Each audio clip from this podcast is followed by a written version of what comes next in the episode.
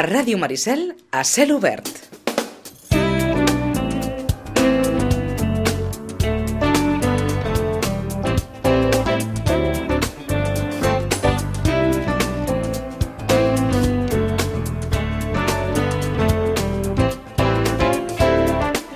I ho fem, doncs, eh, un dia més, una setmana més, un any més, acompanyats eh, de la Rosana Lluc des de Llorenç Llibre. Rosana, bon dia. Hola, molt bon dia. Comencem, doncs, aquest, eh, aquest període estival en què les, les lectures acostumen a ser una miqueta doncs, més lleugeres o, menys, eh, o més digeribles. Sí, sí, la veritat és que sí. Eh? Per l'estiu volem coses que, vaja, que siguin lleugeres, que siguin fàcils de llegir, perquè tothom et diu, bueno, si tipus, tipus platja, et diuen Mhm. tipus platja, piscina, eh? Saps? Eh, que, ens puguin, que ens puguin acompanyar les hores aquelles de, del remull i el, Exacte. i el repòs. Eh, Sí. De tota manera, eh, aquest any ens ha deixat el, en Gabo i aquest any, en, eh, en, la setmana passada, ens va deixar Ana Maria Matute. Mm. Per tant, això es nota també quan la gent, la gent se'n recorda d'aquests autors? Sí, la veritat és que sí que es nota. Uh, en definitiva, quan resulta, si te'n recordes, uh, lo de Gabo va ser uh, escandalós perquè va ser just, just, just per Sant Jordi. Mhm. Llavors va ser allò, el dia de Sant Jordi va ser el dia, el llibre més, més demanat, no? Ahà. Però és que estaven fent la reedició de tota la seva obra amb unes portades espectaculars i no va donar temps només que arribés res, un primer paquet que va, es va acabar ràpid i a més a més no tots els títols, amb la qual cosa, doncs bé, com a mínim vam salvar, però sí que és cert que, bé, Anna Maria Matute també s'ha notat, no tant, és evident, no tant perquè, doncs, eh, eh, diguéssim que Gabriel García Márquez primer, sobretot perquè va morir en una data en què tothom necessitava, no? Allò és més el dia del llibre i, per tant, doncs, va ser més sonat en aquest sentit, no? És una cosa que no es pot preveure.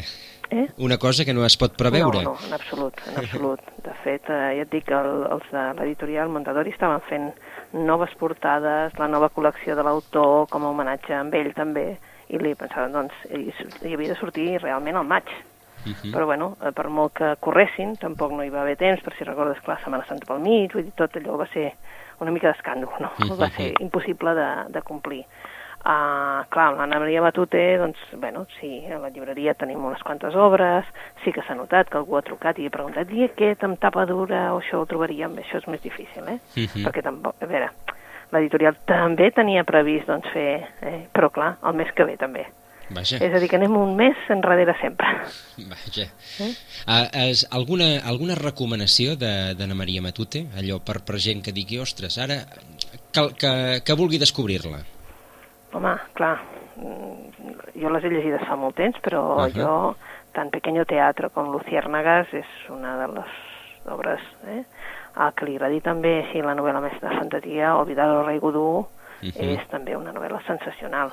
El que passa que, clar, diguem-ne que per entrar-hi són més petitones les altres, no? I de vegades la gent quan veu un totxo o bé s'espanta o bé li encanta. Ja. Saps? Hi ha les dues, les dues posicions amb això, perquè, clar, els que ens agraden llegir, de vegades tampoc no t'agrada que se t'acabin les novel·les, no? I per tant dius, bueno, així en tinc per una estona. I de vegades dius, uf, ara no em ve de gust. És a dir, Pequeño Teatro, Primera Memòria o Luciérnagas, jo diria que són doncs, unes obres també per conèixer-la i Olvidado Rei Godú és una obra per recordar-la. Uh -huh. Doncs eh, hem començat amb aquestes eh, petites recomanacions per començar, per iniciar-se en el món de- d'Anna Maria Matute i, i bé, comencem amb les eh, habituals recomanacions de la Rosana. Per on comencem? Doncs mira, tal com tu ho deies, doncs és, un, no? és eh, una època allò més aviat de relax, de buscar això, lectures doncs com a més, no? I els auditors han trobat aquesta paraula fantàstica que els diuen les novel·les landscape. Landscape, No? I això paisatge. de posar-li mm, noms anglesos a les coses també, de vegades dius, bueno, sí, clar, una novel·la paisatge, eh? una Mhm. novel·la, diguem-ne, que en el que predomina en la novel·la, diguem-ne, és una exaltació del paisatge, del lloc, per lo que sigui d'exòtic, no?, per nosaltres, no? I en aquesta categoria, doncs, acaben de publicar El jardín a la luz de la luna. És una autora que es diu Corina Buman, eh, la publica Maeva, i ja va publicar ella a La isla de les mariposes. I és d'aquelles històries doncs, que diguéssim, les lectores se les llegeixen i els agrada i la recorden, eh? i tenen un bon record de la novel·la. estan publicades així doncs, que la portada és una cosa però la contraportada, és a dir, la part de dintre també és una mica així, doncs, saps? Com un tipus, sí, que volen ressaltar eh, aquest fet de novel·la tranquil·la, novel·la que ens agradarà, que, que la podrem, saps, allò digerir, allò sense nervis i, i que és una novel·la molt d'estiu, no? En aquest cas ens parlen doncs personatge, la Lily Kaiser, que és eh, una dona que té una botiga de, diguéssim, d'antiguitats a Berlín. I ella, doncs bé, ara mateix eh, és vídua i bé, pensa que ja, ja la seva vida ja, ja, ja ha tingut un tope, no? En definitiva, de nous projectes ni se li plantegen, però hi ha una persona que la visita i li porta un violí, un violí antic. I això la fa canviar de, del seu concepte de dir, bueno, jo ja en tinc prou amb el que tenia, no? Um, aquell home li entrega, sense més explicacions, amb una partitura titulada uh, El jardín a la luz de la luna. Eh? I la Lili es posa en contacte amb una amiga seva, una amiga música, i uh, intenten doncs, saber la història d'aquest violí, perquè, és clar li ha arribat amb ella, amb aquesta, sense cap explicació, només amb aquesta partitura, i clar, uh, bé, doncs hauran d'investigar-ho, i la, la investigació els porta doncs, a Indonèsia, a la illa de Sumatra, a començaments del segle XX. Uh, I allà la Rose Galway, una noia violinista amb molt de talent, doncs va tenir una història d'amor, una història d'amor eh, lligada a aquest violí i també, evidentment, és algo que li vindrà lligat a la història de la Lili.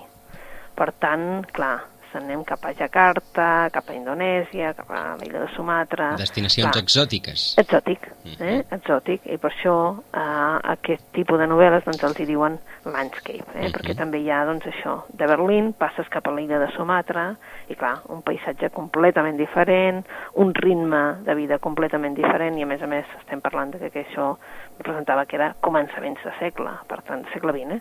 per tant, eh, doncs un ritme encara més diferent, perquè anar passen allà ara sí, però fa un segle devia ser també tota una experiència. Uh -huh. El jardín. és El jardín a la luz de la luna, que és d'això, per aquells que vulguin una novel·la tranquil·la, per llegir això, saps? Allò ben còmodament, uh -huh. al costat de, o bé de la, amb una tovallola de platja, o bé amb una piscina. Uh, L'autora?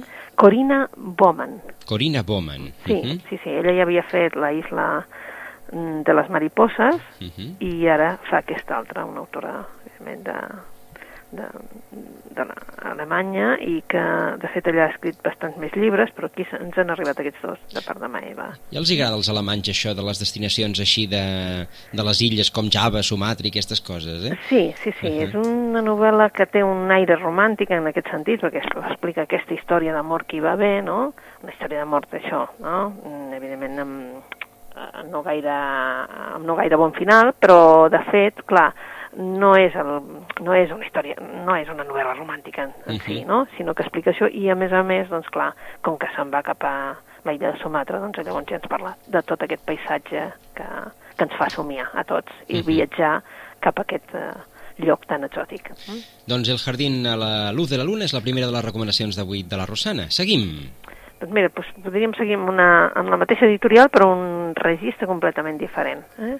Um, bé, si hi ha un gènere per excel·lència, l'hivern en llegim molta, però el que és a l'estiu encara en llegim més, novel·la sí. policíaca.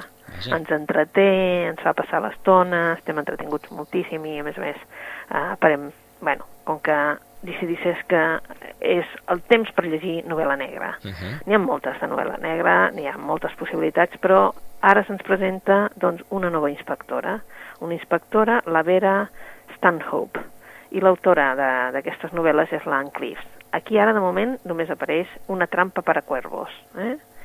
I aniran apareixent les novel·les d'aquesta inspectora, que a Anglaterra doncs, és molt coneguda. Eh? Uh -huh. La Vera Stanhope és una inspectora que, en definitiva, seria tot el contrari d'una inspectora d'aquelles eh, italianes o aquesta és una senyora doncs, amb molt poca, diguéssim, estil, no? Um, una senyora així com a... Uh, saps allò? Eh, grossa, sense, sense gaire cuidado amb la roba que porta, vull dir, Deix deixada. intentant passar sots molt desapercebuda, uh -huh. allò, una senyora que no diries mai que és la inspectora. Uh -huh. I aquí tenim doncs, eh, una història en la que hi ha la Rachel, que és una biòloga, que arriba a una granja, la granja Bakis, i això eh, i és una zona de paisatge agresta que està entre Anglaterra i Escòcia. Eh? Uh -huh. I llavors ella vol dirigir un treball d'investigació, mm, d'investigació mediambiental, i ella es troba amb la Bella, que és la, una amiga, que és la propietària de la granja veïna.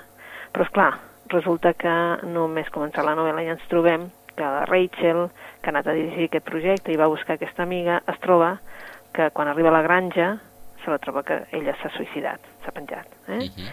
La Rachel està convençuda de que mm, no, no, és, no és així, no està conforme que ella s'hagi penjat, sap que ha passat alguna cosa perquè no, no creu que ella s'hagi penjat perquè estimava moltíssim el seu marit, s'havia casat feia només 11 anys, l'havia vingut a cuidar en principi, l'havia vingut a la granja a cuidar a la mare de, del seu marit, després es va enamorar de, de, del seu marit i es van casar, i ara el seu marit està en una cadira de rodes, no es pot moure, i és impossible, impossible que ella s'hagi suïcidat. Eh? Per què no? Perquè se l'estimava moltíssim i no estava disposada a tirar la tovallola. Per tant, la Rachel vol investigar què ha passat. En tot això, hi han dues companyes de projecte, que és l'Ann, que és una botànica del poble, mm, d'aquelles persones desenfadades, descarades, etc, i la Grace, que és una zoòloga eh, que acaba d'arribar i que no acabes de ben bé veure que no vol parlar ni del seu passat, ni, ni de les seves amistats, ni de res. O sigui, l'has d'acceptar tal, com, tal com ve, és a dir, saps? Com si vingués de Bellnou i no vol parlar absolutament de res. I per tant és un paisatge, una persona, un personatge bastant enigmàtic. Bé, l'ambient a la casa, que són elles tres, diguéssim, mm, es torna una mica claustrofòbic, en un sentit de que, clar, sembla que a la Rachel se li escapi el projecte de les mans, en definitiva el seu jefe és un examant i per tant tot sembla, doncs, saps? Però clar, aquí arriba en escena doncs, la inspectora la Vera Stanhope i clar, serà el, la nota curiosa d'aquest grup de dones, perquè s'haurà d'enfrontar amb una investigació que la veritat és que hi ha uns interessos darrere que no ho semblaven. Eh?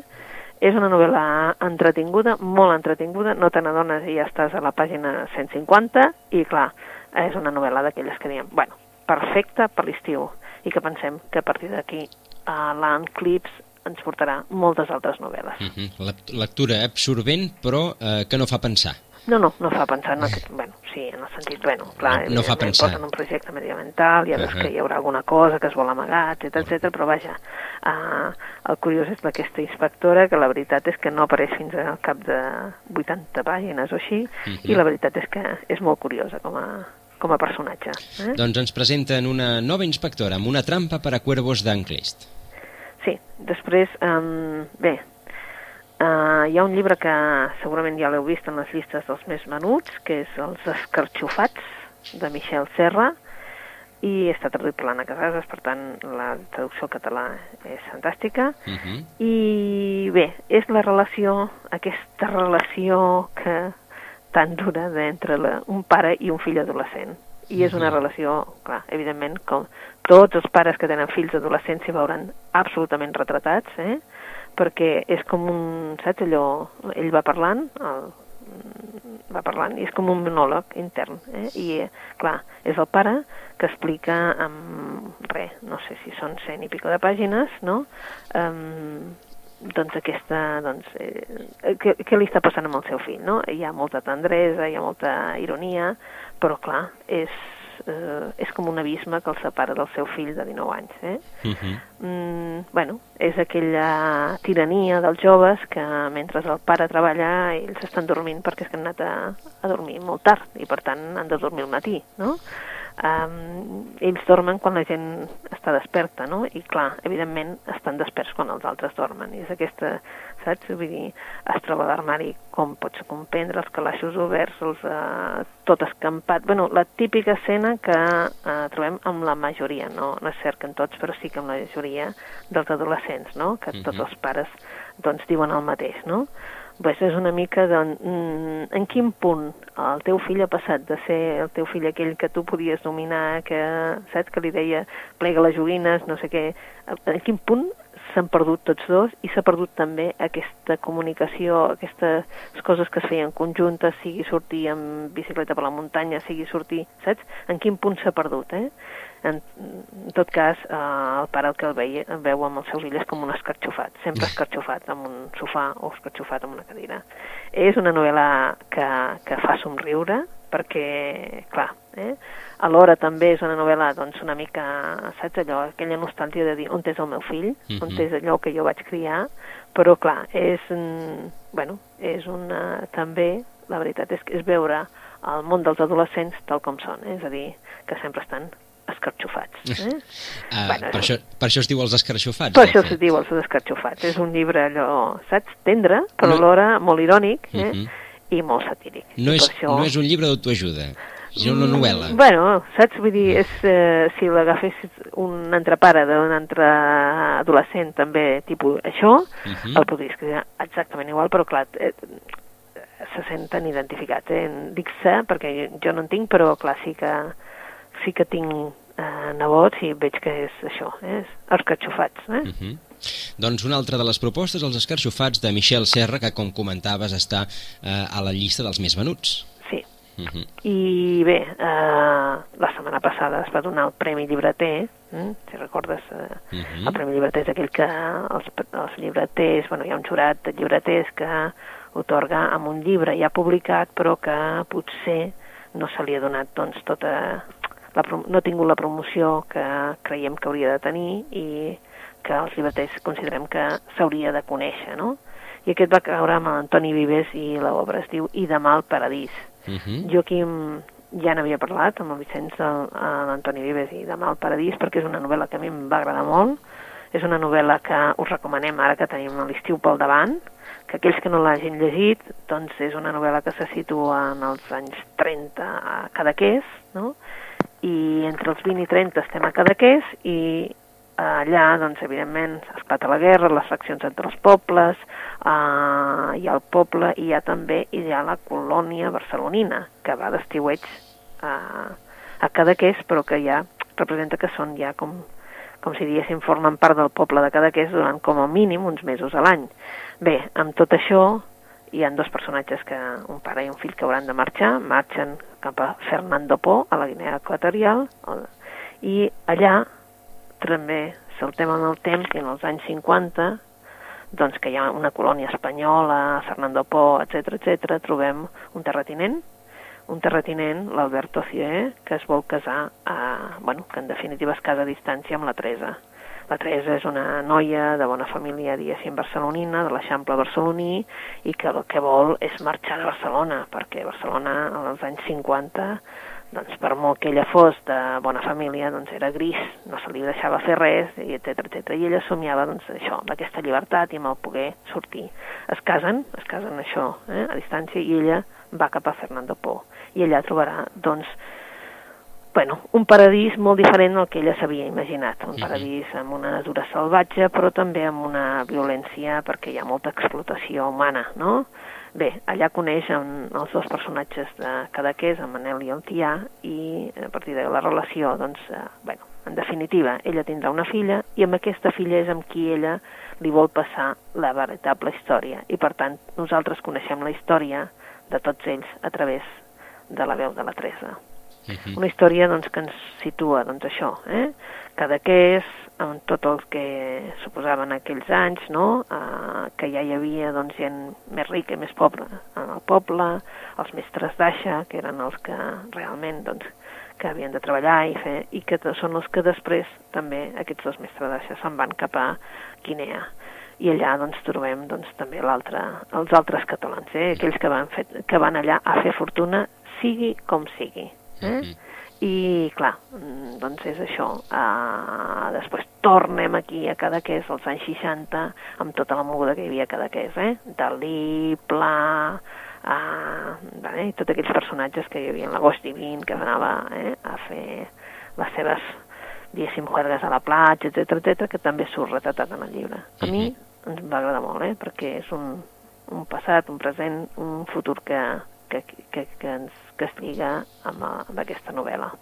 Doncs és eh, I demà al Paradís, aquest eh, Premi Llibreter, aquesta novel·la sobre el cadaqués de, eh, dels anys 50-60 amb, amb el rerefons aquest de la, de la migració catalana en busca de fortuna. No són americanos, van anar més a prop, van anar a l'Àfrica, però eh, Fernando Po doncs, també eh, hi va haver-hi catalans buscant, buscant fortuna. Doncs si, si a algú li agraden les sèries, eh, uh. -huh. que sàpiga que uh, ara això que s'estrenarà una sèrie al Canal Plus, que és la de The Leftovers. Uh -huh. Leftovers és uh, una novel·la del Tom Perrota eh, i està traduïda al català i amb aquesta uh, edicions dels Periscopi, una editorial doncs, que l'anem seguint perquè va, va traduint coses molt importants i amb aquest The Leftovers que ell ho han posat en català igual que el títol original, eh? doncs és una novel·la d'aquelles que ens parla de, de persones, de com les persones normals reaccionen davant de fenòmens, eh, diguem, extraordinaris. Eh? Per què? Pues, perquè milions de persones desapareixen de la Terra de cop i volta, eh? sense cap motiu aparent, sense cap avís, i alguns dels que queden, clar, volen buscar explicacions, explicacions normalment científiques, però, és clar els meus fanàtics creuen que es tracta d'una cosa religiosa, eh? i a partir d'aquell moment comencen a sortir tota mena de sectes. Eh? Uh -huh. mm, tenim en Kevin Gerby, que és, eh, que és l'home eh? eh, que procura mantenir una aparença de normalitat malgrat que la seva pròpia família s'està desintegrant. Eh? La seva dona Sonit, el residu culpable, que és una, seda, una, una secta, el seu fill Tom segueix amb un altre profeta, i, i clar, només queda la seva filla. Eh? Però, clar, la seva filla ja no és aquella noia que ell coneixia, aquella nena que ell tenia, ja tornem amb això de, saps?, dels adolescents, Uh i -huh. per tant, The Leftovers és una novel·la d'aquelles de de llegir-se si us agrada aquestes sèries així amb un toc de paranormal, doncs The Leftovers és la novel·la. A Mhm. partir d'ara uh, la faran no sé quin, quan a Canal Plus, i l'editor ja ens ho posa aquí, que la, és la novel·la en la que es basa aquesta sèrie, però la veritat és que doncs, el Tom Perrota és un autor molt traduït també uh, aquí, i en aquest cas, doncs, uh, si us voleu, en, eh, doncs això, animar abans de la sèrie, el llibre ja ha sortit. Uh -huh. Doncs The Leftovers de Tom Perrot, una novel·la, entenem també molt estiuenca, molt... Eh, Sí, també, doncs. Que deu ser de bon consum, oi? Sí, sí, jo crec que sí, sobretot, bueno, a mi aquestes coses, la veritat que t'haig de reconèixer que a mi no, no m'agraden aquestes sèries, tampoc no m'agraden aquests llibres, però vaja, eh, m'ha picat la curiositat, saps, perquè he vist, bueno, l'autor sí, i per tant he pensat, bueno, és curiós que ell hagi escrit això, no? I Mhm. per tant, doncs, bueno, eh, penso que sí que, que val la pena com llegir-ho, no? Doncs deixem, deixem aquí aquestes, eh, aquestes recomanacions. Eh, de moment, eh, avui la Rosana ens ha presentat El jardín a la luz de la luna, de Corina Bowman. Eh, aquesta, eh, en el gènere landscape, en el gènere paisatge, aquesta autora alemanya, una, una història que comença a Berlín i que va cap a Java i cap a Sumatra. També Una trampa per a cuervos, de la Anne Clist, eh, on se'ns presenta eh, una nova inspectora, a qui li agradi la novel·la negra, una època especialment indicada a l'estiu per llegir novel·la negra, doncs tindrà aquesta, aquesta proposta. Una de les més venudes, eh, Els escarxofats de Michel Serra, una eh, novel·la també sobre les relacions entre pares i adolescents, aquesta època difícil on eh, el pare es pregunta què se n'ha fet d'aquell fill que va educar. I demà al Paradís, eh, el Premi Llibreter, Anton, de, eh, Antoni Vives, una novel·la també eh, molt interessant sobre el cadaqués dels anys, eh, dels, any, dels anys 50, 60 i d'aquesta migració catalana a Fernando Po i per últim, doncs, a qui els hi agradin les, eh, les sèries eh, The Left Towers eh, de Tom Perrot, una novel·la mig paranormal, mig fantàstica, mig fi del món per, per tot plegat, que a més a més comptarà amb una seqüela televisiva. Eh, Rosana, moltíssimes gràcies Gràcies a vosaltres. i molt ens, bona lectura. ens saludem d'aquí 15 dies amb més propostes. Doncs molt bona lectura. Fins Igual- llavors.